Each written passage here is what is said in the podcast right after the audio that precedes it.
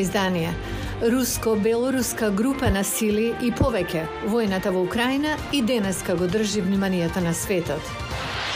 Сте слушнале ли за алтернативата на класичен погреб што е добра за животната средина? Ке зборуваме и за тоа. Работите се променети во сад дури и за музичарите. Нешвил е символот за започнување убава кариера во оваа сфера, но дали е вистина? Останете со нас.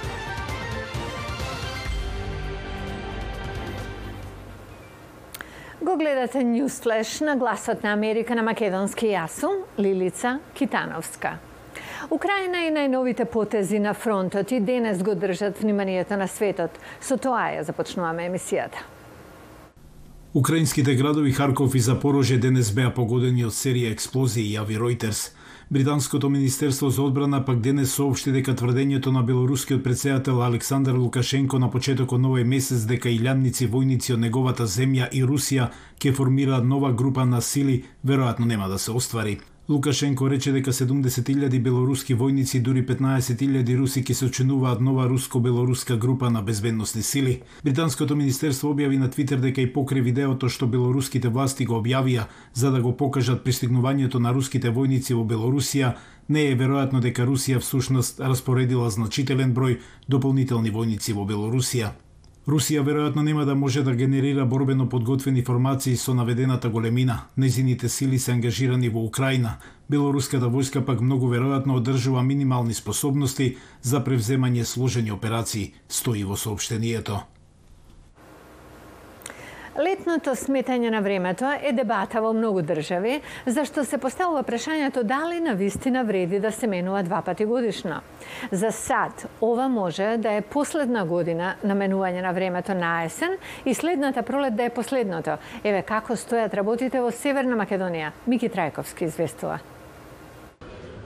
Северна Македонија би можела да биде меѓу првите држави во Европа која ќе остане на летното сметање на времето, откако владата неодамна соопшти дека според незините проценки тоа би помогнало да се заштеди електрична енергија. Со тоа би се стемнувало еден час подоцна, односно работниот ден со природна светлина би бил за 60 минути подолг. И граѓаните не очекуваат дека ваквата мерка би придонела за заштеда на струја. Ќе се продолжи денот, меѓутоа ноќите се ладни, не се не е денот, дените се денот е топол. Па ја мислам дека голема заштеда нема да донесе.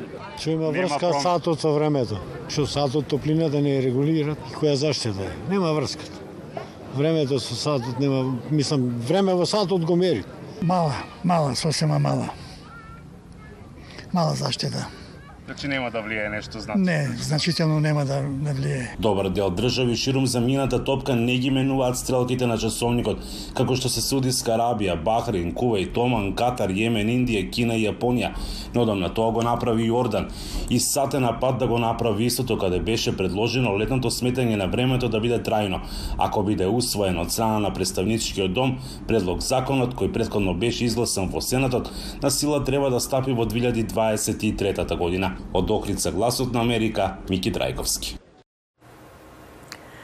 Многу луѓе се обидуваат да живеат на поеколошки начин, но еколошките стандарди стануваат се поприфатливи и во случај на смрт. Гласот на Америка истражуваше на оваа тема. Предупредуваме дека некои снимки во продолжение може да бидат вознемирувачки. Компанијата Природен погреб не изгледа како обично погребално предпријатие.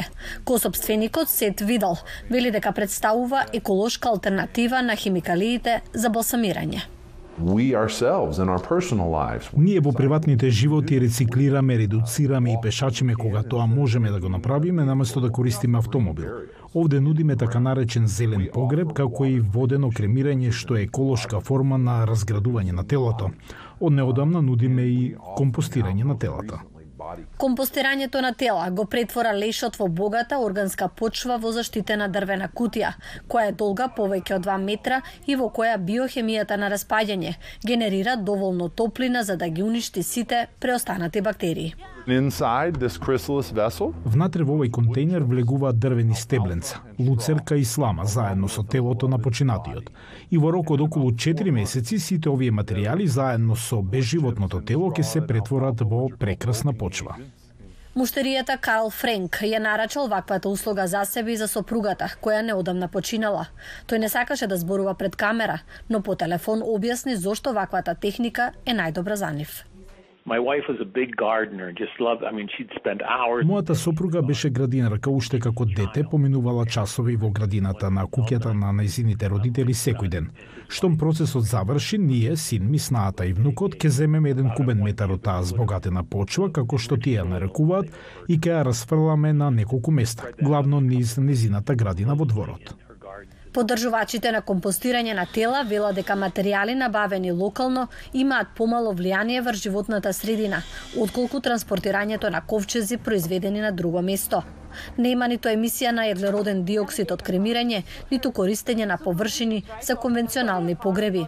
Откако компостирањето тела беше легализирано во Колорадо минатата година, Видал вели дека имал повеќе од десетици муштерии, почнувајки од младиот Џој.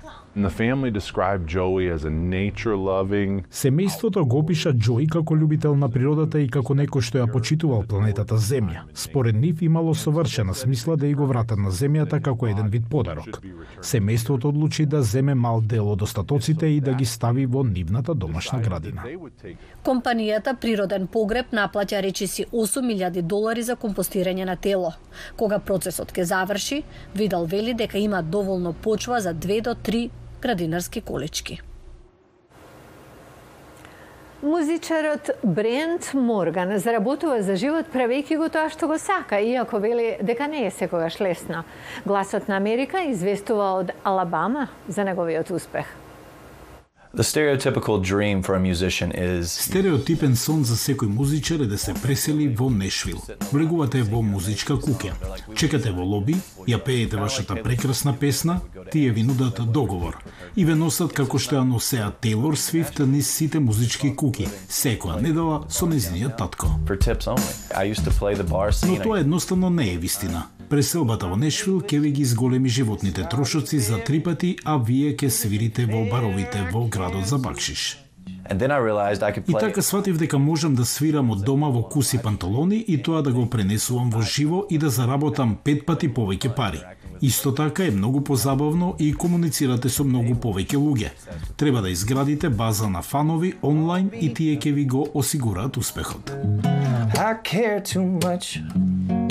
Hey, my name's Brett Morgan. I'm Јас сум Бренет Морган. Имам 33 години и живеам од пишување и продуцирање музика и ова е мојот обичен живот. Ова е моето студио кое е поделено на два дела. Од овде ги пренесувам во живо моите свирки. Тука се и моите микрофони и камера. Во овој дел поминувам секој ден по најмалку 5 часа. Овде пак ги пишувам и продуцирам песните. Се заинтересирав за музиката кога бев во 11-то оделение. Предходно бев фокусиран само на спорт. Имав стипендии за бейсбол. Но заедно со пријателите се приклучивме и во бенд. Почнав да сваќам дека би можел да пеам и свирам, па почнав да учам да свирам клавир и гитара, како и да изведувам пред пријателите. Така завршив и на музички колеж и почнав да држам предавања. Почнав да сваќам дека животот ми се врти околу музиката, па така и комплетно се посветив на тоа. Се сеќавам пред да ја запросам сопругата, морав да разговарам со незините родители и да им објаснам дека заработувам од музика. Беше страшно. Живеам во Медисон, Алабама. Целото мое семејство, мајка ми, татко ми и сестрите се тука. Живееме на 5 минути оддалеченост. Животот во Алабама ми дава поголема финансиска слобода. Живеам во куќа со 5 спални и 5 вецинја.